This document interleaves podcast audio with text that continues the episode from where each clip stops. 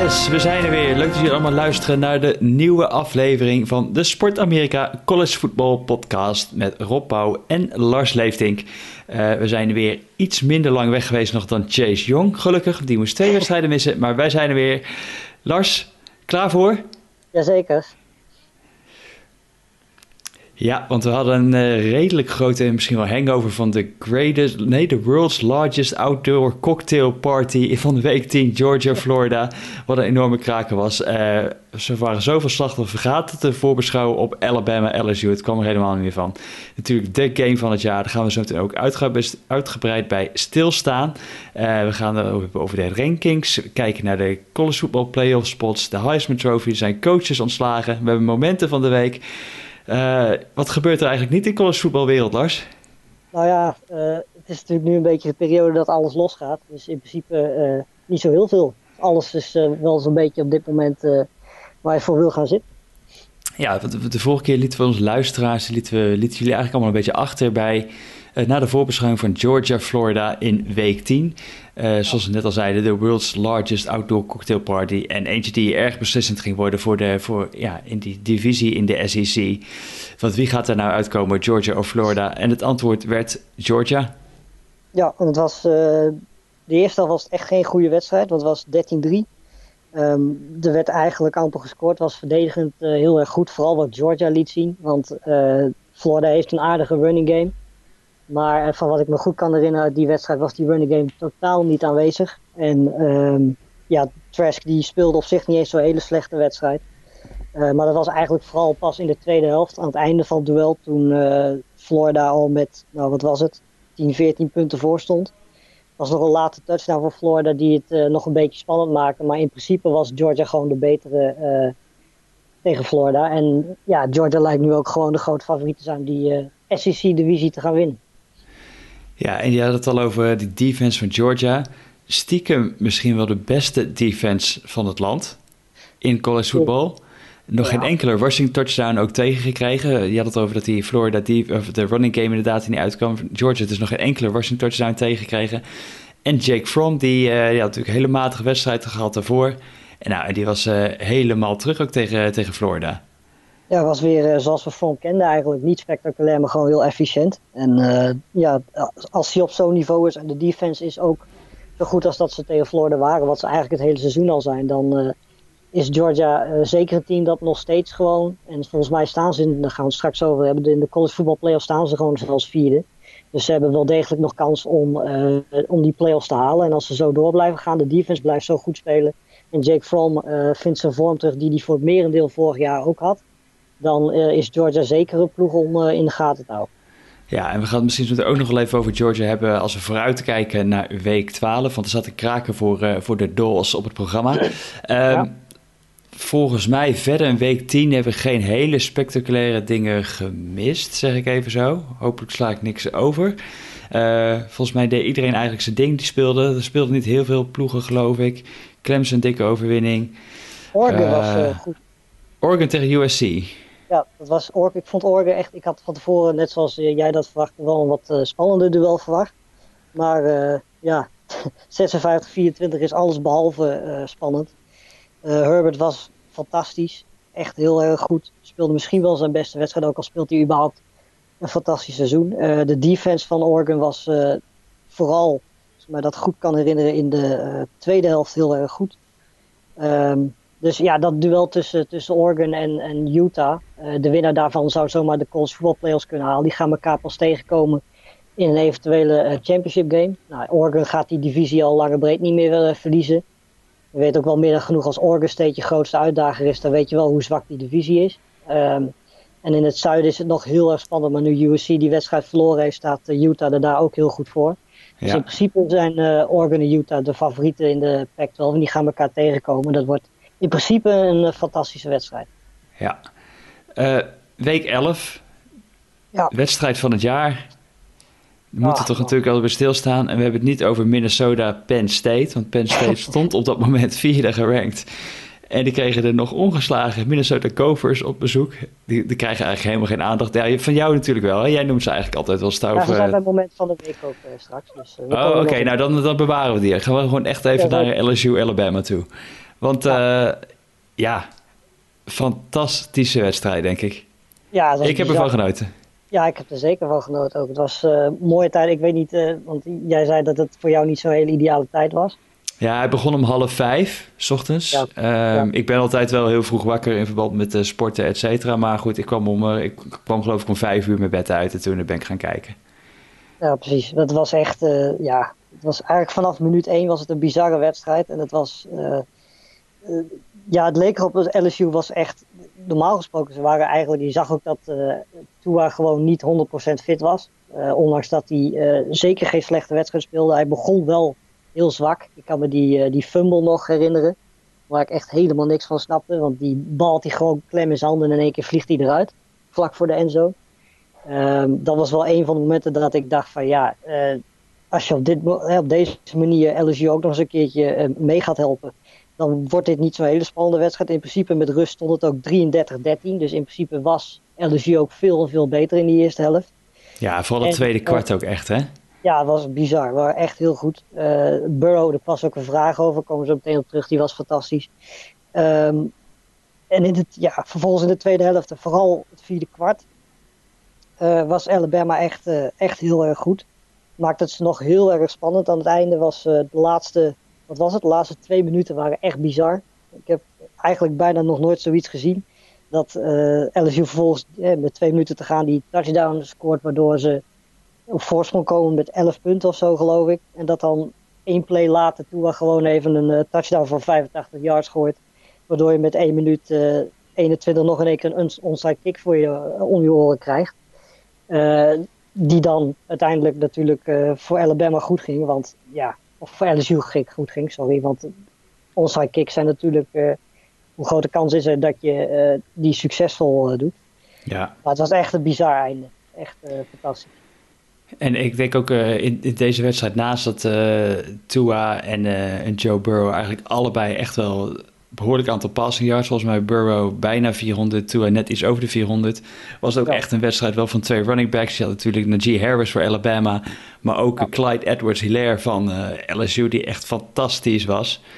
Uh, ja, schitterende wedstrijd. En ik, ja, ik vond het wel, ik vond LSU wel terecht de winnaar. En misschien, ik vond, het leek iets mij eigenlijk wat minder close dan dat de score doet vermoeden. ik vond LSU wel iets overtuigender overwinning dan dat de score zo slechts die vijf punten verschil is. Ja, absoluut. Vooral, zoals ik vooral die eerste helft was echt, uh, ja, dat was echt van een bizar hoog niveau. Dat hebben we eigenlijk de afgelopen jaren alleen Alabama zien halen, uh, zo'n niveau. Um, behalve dat LSU dat dit jaar eigenlijk al vaker heeft laten zien. Uh, we hebben ook een vraag gekregen van Bob van Egmond, was de enige vraag.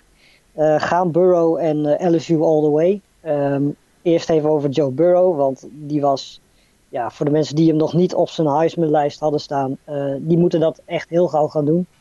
Uh, ging 31 om 39, 393 yards, drie touchdowns. Uh, als quarterback kun je het niet heel erg veel beter doen. Ja, vooral in het begin, hè? Wat was het? De eerste 14 passes waren completed, geloof ik, of zo? Ja, precies. Ja, dat was echt... en dat is misschien zelfs wel het moeilijkste. Want de meeste quarterbacks hebben tijd nodig om in ritme te komen.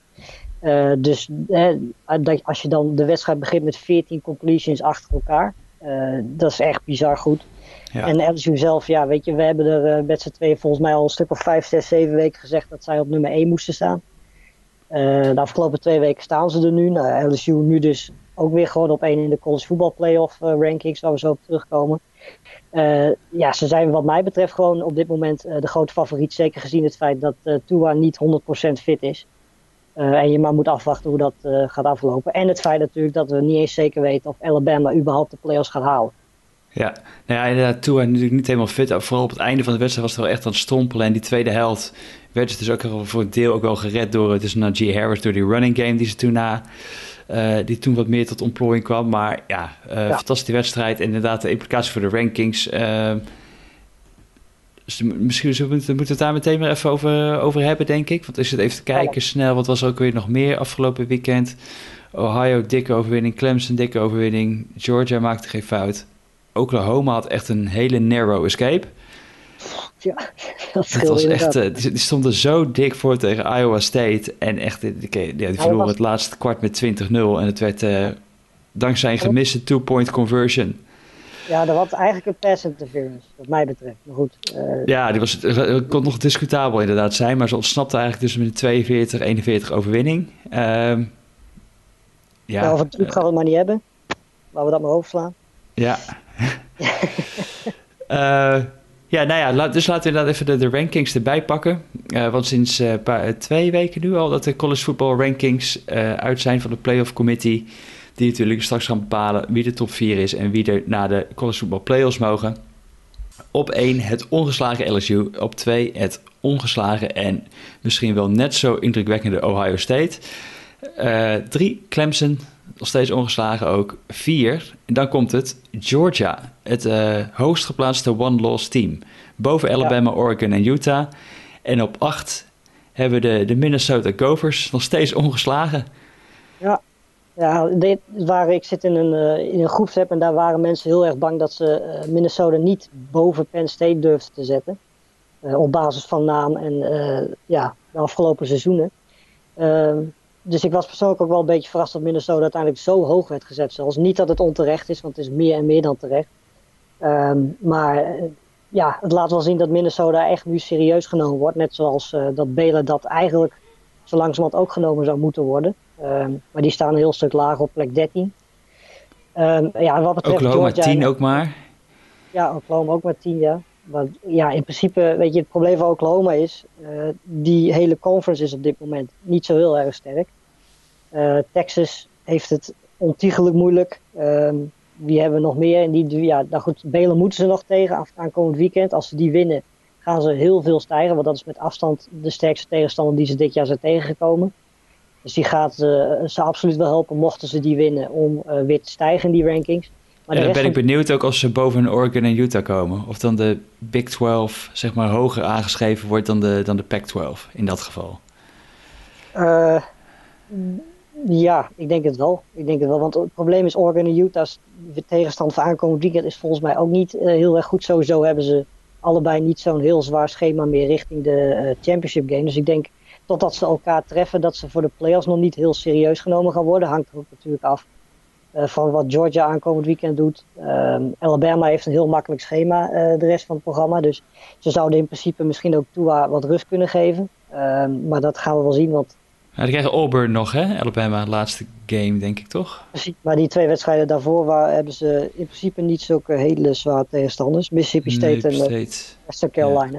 Ja. Ja. Dus daar zouden ze uh, Jones misschien kunnen inzetten, zodat hij misschien wat fitter wordt. Vooral tegen Western Carolina natuurlijk. Um, maar ja, Auburn, daar komen we straks wel terug. Die hebben echt een hele belangrijke rol in de playoffs. Want die spelen dus aankomend weekend tegen, uh, tegen Georgia. En dan ook nog eens een keertje tegen Alabama. Uh, ja. Dus die kunnen echt een hele grote invloed hebben op uh, hoe die college voetbalplayers gaan, uh, gaan zijn. En Zoals we dat in 2017 ook hadden, hè? Ja, precies. Nou, eigenlijk elk jaar. Het liefst zouden ze natuurlijk gewoon zelf mee willen doen. Maar in principe lukt dat eigenlijk, ja. Zou dat nog kunnen, als ze nu twee keer, als ze die, allebei die teams verslaan? Dan hebben ze wel heel veel hulp nodig. Dan zouden eigenlijk Oregon of Utah, dan zou bijvoorbeeld de Utah moeten verliezen een keertje. En dan zou Utah van Oregon moeten winnen. Dan hebben, ze, hebben die Pac-12 teams allebei twee nederlagen. Uh, dan zou Oklahoma bijvoorbeeld... Nou ja, ja, Auburn heeft natuurlijk wel Oregon verslagen, rechtstreeks er wel. Precies, dus in principe zouden ze dan in dat geval erboven komen al. Uh, Oklahoma moet dan eigenlijk, want die spelen waarschijnlijk twee keer tegen Baylor. Dus die zouden dan uh, moeten verliezen één keer en moeten winnen één keer van Baylor. Want heeft Baylor ook een nederlaag. Nou, dat zijn manieren waarop Auburn er in principe nog wel in zou kunnen komen. Maar er moet wel echt een wonder gebeuren, wil dat, uh, wil dat nog lukken. En voor de mensen die misschien nadenken van waarom staat Georgia boven Alabama. Daar is eigenlijk één hele simpele reden voor. En dat is gewoon de uh, strength of schedule. Want ja, naast uh, wat Alabama heeft gehad tegen LSU is het verder het hele programma alles behalve indrukwekkend en zwaar geweest. Terwijl Georgia gewoon zwaardere tegenstanders gehad ja. Nou ja, en ik denk voor die eerste drie, dat is gewoon de, die, die, ik zie ze eigenlijk niet meer verliezen. Ja, LSU misschien de championship game, maar als ze die verliezen, dan zijn ze nog steeds wel in. Ja, precies. En, uh, oké. Okay. Uh, dus dat is een beetje de rankings en de playoff spots. Uh, nou ja, de vraag was inderdaad, was van Pop, Pop van Egmond was dus, gaat LSU all the way? Dus misschien nog een beetje vroeg, maar ik, in ieder geval die playoffs die lijken nu echt wel zeker. En als ze zo blijven spelen, dan, uh, ja, waarom niet? En ja, en, en, Joe Burrow die heeft gewoon zijn reisje in New York al, al geboekt. En die extra bagage op de terugweg om die trofee mee te nemen, denk ik. Zeker nu Chase Young die schorsing heeft. Dat helpt natuurlijk ook handje. Tua die blessure is, zakt daardoor ook weg. En wat mij betreft zou Herbert iets meer over gepraat moeten worden qua Heisman-kandidaat. ja, jij, bent een Herb jij bent een Herbert-fan, hè? Absoluut een Herbert-fan, ja. Ik, ik, ik ben niet kapot van Justin Herbert.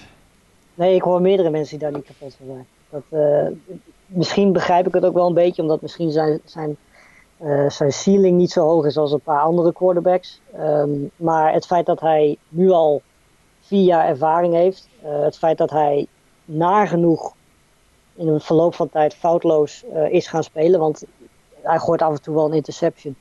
Maar uh, de merendeel van die interceptions ligt dan meestal aan zijn receivers. Die dan of ballen laten vallen of via rare reflections in één keer uh, bij de tegenstander vallen. Um, hij kan in principe elke paas gooien die er is. lange paas, korte paas, screen paas, noem het maar op. En ik denk ook dat hij veel atletischer is dan dat hij bij Oregon mag laten zien. want ik zie hem heel weinig rennen. Uh, wat ik wel jammer vind, want volgens mij kan hij dat meer dan prima. Um, maar ja, ik denk persoonlijk dat Herbert uh, voor de aankomende draft um, op korte termijn de beste quarterback is. Op lange termijn kun je over Tua, uh, Burrow en Jake Fromm kun je daarover discussiëren. Misschien hebben die een higher ceiling dan dat Herbert dat heeft. Maar voor teams die echt een quarterback zoeken die nu meteen moet staan en die nu meteen moet presteren, en er zijn er in de NFL meer en meer dan genoeg van, um, dan is denk ik Herbert je beste keuze. Oké. Ik zat trouwens ook nog in een groepsapp en er kwam nog voorbij dat uh, Lamar Jackson, die is uh, jonger dan Joe Burrow. ja, vond ik even, dat vond ik, vond ik, ook wel een mooie. Ja. Uh, Oké, okay. dan gaan we even kijken. We hadden, zullen we even onze momenten van de week erbij pakken? We hebben, voor jou, we hebben het team al genoemd, maar uh, jouw moment van de week. Ja, dat zijn twee teams. we hebben ze eigenlijk allebei al genoemd. de ongeslagen teams weer? Ja, Baylor en Minnesota. Ze, ik moet zeggen dat uh, Minnesota maakt steeds meer indruk op mij. Die, uh, zoals we al eerder hebben gezegd, begonnen vrij matig. Of ja, vrij matig is dan relatief. Maar ze kwamen heel erg goed weg aan het begin van het seizoen met een paar hele moeizame zegens. Maar in verloop van tijd zijn ze eigenlijk steeds beter en beter gaan worden. En afgelopen weekend, wat iedereen zei toen van ja, ze hebben nog geen goede tegenstander gehad. Nou, afgelopen weekend was het moment dat ze het mochten laten zien tegen Penn State. En uh, hun offense was nog niet eens heel erg goed. Ze hebben meestal een hele goede running game, maar die was uh, door Penn State uitgeschakeld. En wat ik dan indrukwekkend vond, was dat uh, Tanner Morgan, hun quarterback, waar in mijn ogen ook niet genoeg over gepraat wordt, die was extreem effectief. 1820, 339 yards, drie touchdowns. Um, ze hebben een paar fantastische receivers, waaronder Bateman, die ja, lang is, atletisch is zo'n beetje elke catch kan maken die je uh, kunt maken. Ze hebben nog een goede uh, receiver, Johnson. En die maakte tegen Penn State uh, het verschil. De defense was voor het merendeel van de wedstrijd ook heel erg goed. vooral aan het einde gaven ze wel wat punten weg. Ehm, maar toen was de wedstrijd eigenlijk al een beetje beslist. Die late touchdown van Penn State zorgde nog voor dat het spannend werd. maar in principe denk ik dat ze wel hebben bewezen dat Penn State of dat uh, Minnesota de grootste uitdager is van Ohio State in de Big Ten. Ik hoop ook dat ze tegen elkaar komen in uh, de Big Ten Championship Game. Uh, want ik denk dat Minnesota Ohio State wel zou kunnen uitdagen als enige. Ohio State moet natuurlijk, als ik mij niet vergis, nog tegen Penn State en Michigan dit jaar. Ja. dus die gaan zeker nog wel uitgedaagd worden. Dus die laatste drie duels van Ohio State zijn heel zwaar. Penn State, Michigan en dan waarschijnlijk dus Minnesota of Wisconsin. Dat is even afwachten. Maar um, ja, Minnesota blijft dus echt heel goed presteren en staan dus nu ook achtste. En daarnaast Baylor, uh, die zijn nu voor uh, volgens mij het tweede weekend achter elkaar bizar goed weggekomen. Uh, beginnen het zo langzamerhand wel moeilijker te krijgen. Waren het begin van het seizoen heel indrukwekkend. Maar krijgen het nu steeds moeilijker. Iets wat dus een beetje omgekeerde wereld vergeleken met Minnesota. tegen West Virginia in volgens mij in overtime ook weggekomen. Tegen TCU in overtime weggekomen. Ja. Um, dus ja, die zijn na hun bye week eigenlijk twee keer uh, ontsnapt. Maar zijn nog steeds ongeslagen. En uh, aankomend weekend krijgen ze een beetje de kans die Minnesota afgelopen weekend gehad heeft. Om zich te bewijzen uh, tegen Oklahoma. Daarna mogen ze ook nog tegen Texas spelen. Dus dat worden hele belangrijke weekenden voor uh, Baylor. Ja, nou ja, en ook voor wat jij van, van Minnesota. En dat ook, die hebben in het begin wel een, misschien wel een favorable schedule gehad. En nu Penn State gaat en nu moeten ze nog naar Iowa, dus dit weekend. Uh, dan thuis Noordwestern. Nou ja, als dat, of nee, bij. Noordwestern. Maar goed, het maakt niet uit waar je Noordwestern treft dit seizoen. die, die rol je toch wel op. Uh, en ze moeten nog thuis tegen Wisconsin, inderdaad. Ja. Dus die krijgen inderdaad nog wel wat, wat, of, uh, ja, wat zwaardere wedstrijden. Um, mijn moment van de week, ik had hem, al, ik had hem misschien al getwitterd, maar dat was meer een, dat was, was het leuke moment van de week. Ik weet niet of je het gezien had. Afgelopen woensdag in de wedstrijd uh, van Ohio, wat is het, Ohio-Florida, tegen Western Michigan. Er een, echt een, ja, gewoon zoals je het wel kent, zo'n enorme, dikke, grote beest van een uh, speler stond lined up, zeg maar, als wide receiver. de paas kwam niet zijn kant op. En je ziet hem gewoon onder in beeld, maakt hij gewoon een ratslag. Oh ja, dat had ik wel gezien. In die play. Ja. Nou, ik zag het echt briljant. Ja. En bij iets, bij iets serieuzere moment van de week was eigenlijk het moment van vorige week. Dat je Drew Brees, die was uh, bij Purdue op bezoek. en natuurlijk als uh, alumni gaf hij de speech in de kleedkamer voor de, voor de wedstrijd tegen Nebraska uit mijn hoofd, geloof ik dat het was. En ja. uh, nou, was, die staat ook helemaal, ik, ik, weet niet meer waar ik hem zag op Twitter voorbij komen, maar het was wel mooi om te zien hoe Drew Brees, hoe uh, ja, gepassioneerd hij dus is als alumni van Purdue en dan die pre-game speech gaf. Maar volgens mij is Drew Brees sowieso wel een hele goede speech. Dat zie je bij, bij de NFL Mic'd Up, komt hij ook heel vaak langs. Ja. er zijn heel veel jongens, ik bedoel, we hebben het Winslow ook al een paar keer zien doen van de Buccaneers, die staan een heel stuk minder in. Ehm, maar ja, hij, Drew Brees is daar echt wel heel erg goed in. Dus ik niet voor niks een enorme grootheid natuurlijk. Nee, precies daarom. En dat, uh, niet alleen op het veld dus, maar ook gewoon naast het veld. Uh, ja, een halve famer. Hey, nog even een paar dingetjes die ook gebeurd zijn de afgelopen twee weken. Uh, want we zeiden het ook al in de intro. Er zijn ook gewoon coaches die zijn zeg, de laan ja. uitgestuurd. Die hebben de kerst niet gehaald. Um, Willie Taggart bij Florida State en Chad Morris bij Arkansas afgelopen week ook. Ja, nou die laatste is natuurlijk een no-brainer. Dat had al veel eerder moeten gebeuren. Volgens mij verloren ze dik van Western Kentucky, als ik mij dat goed kan herinneren. Uh, ja, dus, we hebben het over Northwestern. In principe van de grote vijf conferences is Northwestern de, de minste ploeg die we dit seizoen zien. Maar Arkansas doet wel dit seizoen heel erg zijn best om daarbij uh, bij in de buurt te komen. Uh, dus in principe is dat niet zo'n hele verrassende, ja, verrassend ontslag.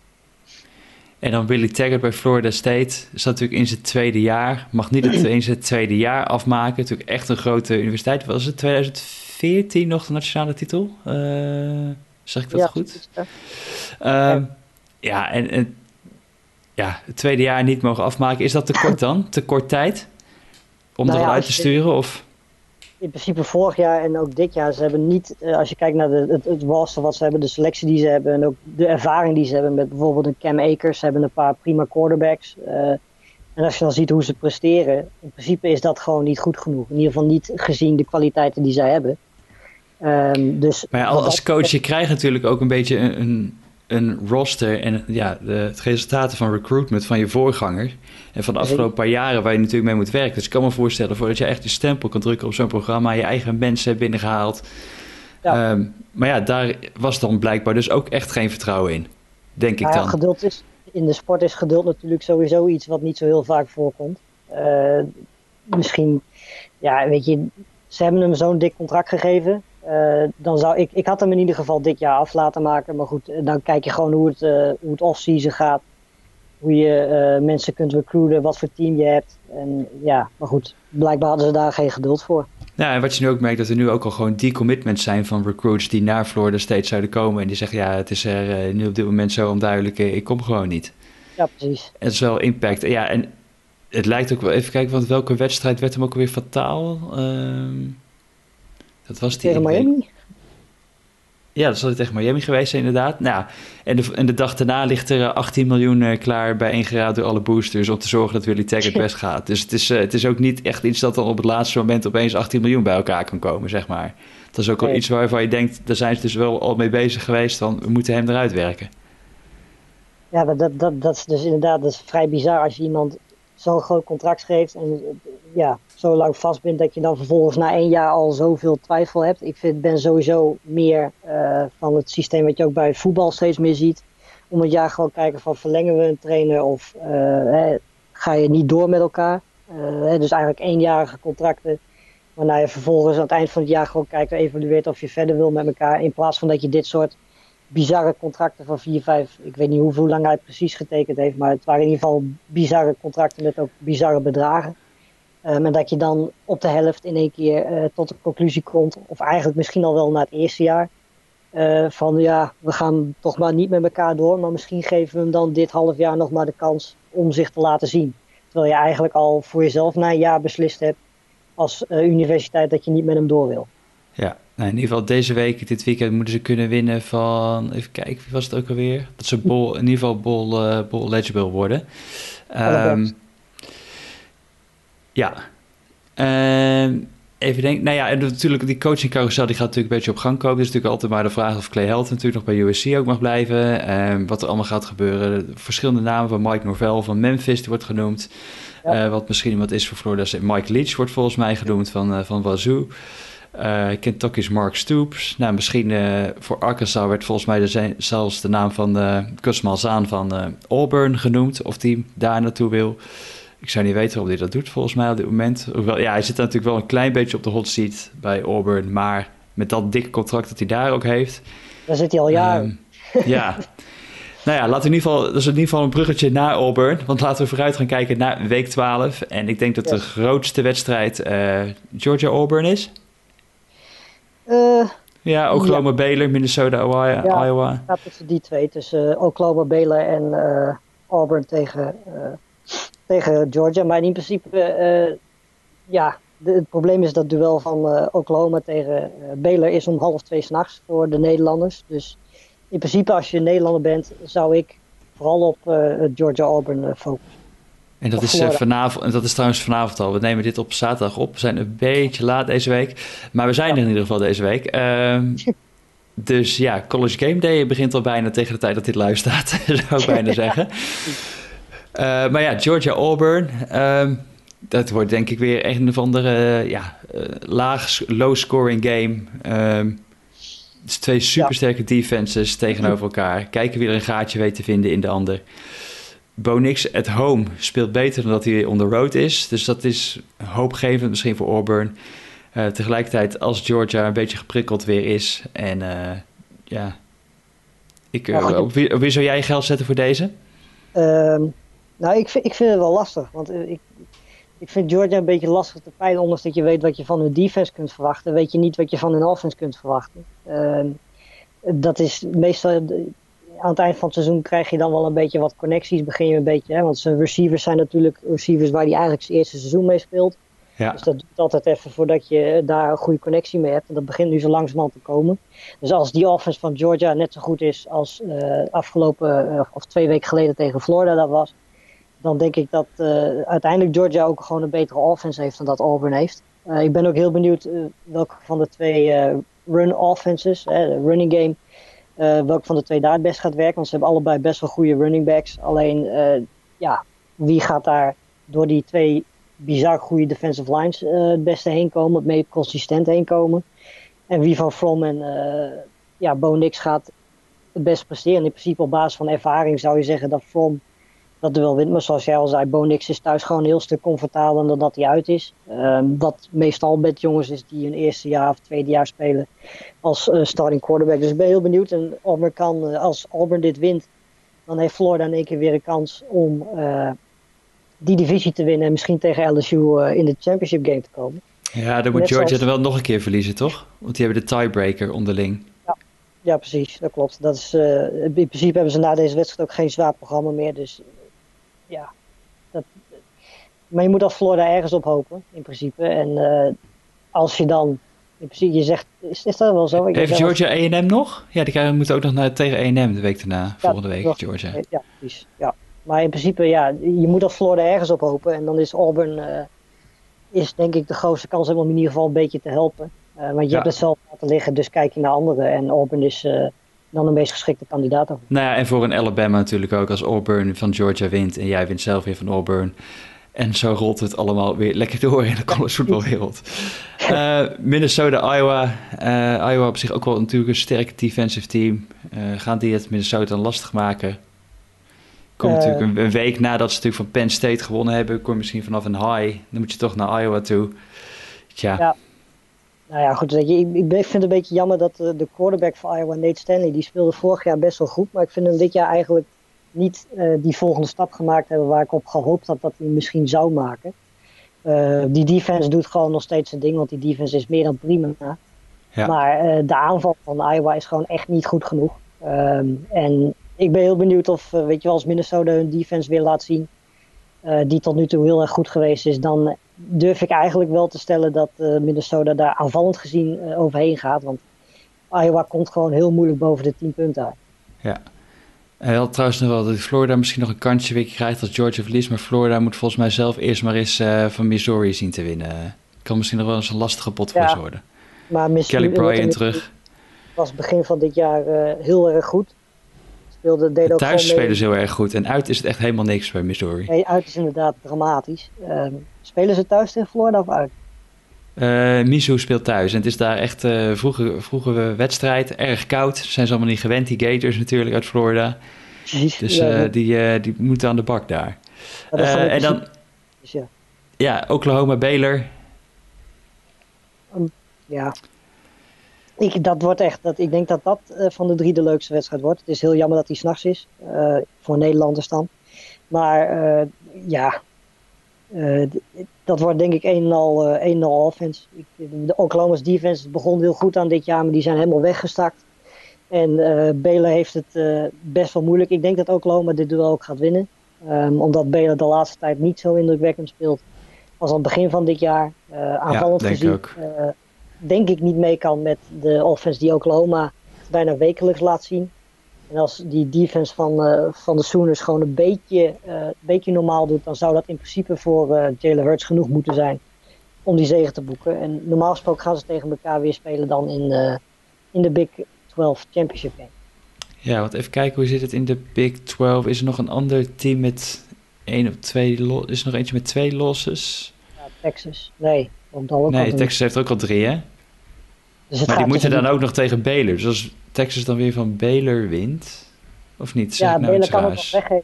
Ja, Baylor kan het in principe allemaal nog weggeven. Als ze twee keer verliezen, dan uh, heeft Texas op basis van... Ja, dat zeggen we wel.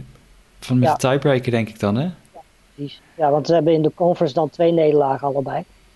Um, dus ja. ik denk dat het de tiebreaker inderdaad naar Baylor gaat. Of uh, hm. Texas. Oké. Okay.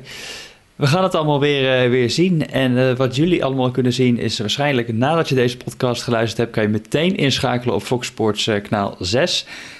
om drie uur begint College Day, Game Day vandaag en daarna Mississippi State, Alabama. kijken of Tua inderdaad nog in actie gaat komen of dat hij gewoon een weekje rust krijgt. Dat ze niet Michigan State, Michigan gaan uitzenden, want volgens mij wordt dat echt een hele lelijke wedstrijd.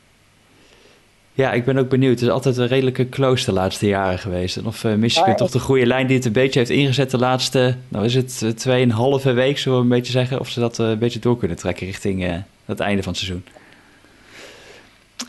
Clemson Wake Forest om half tien. En daarna nog Ole Miss LSU. Dus ja, als jullie allemaal weten, wat hebben ze het allemaal over de hype train van Joe Burrow en LSU.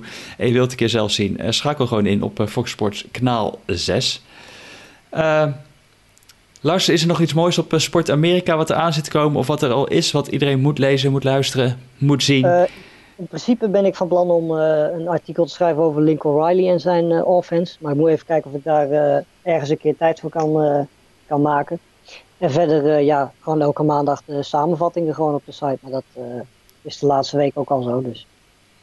Oké. Okay. Dus Oké, top. En volgens mij is de, NFL-podcast is er nog. De NBA-podcast eh, is terug met uh, en Matthijs.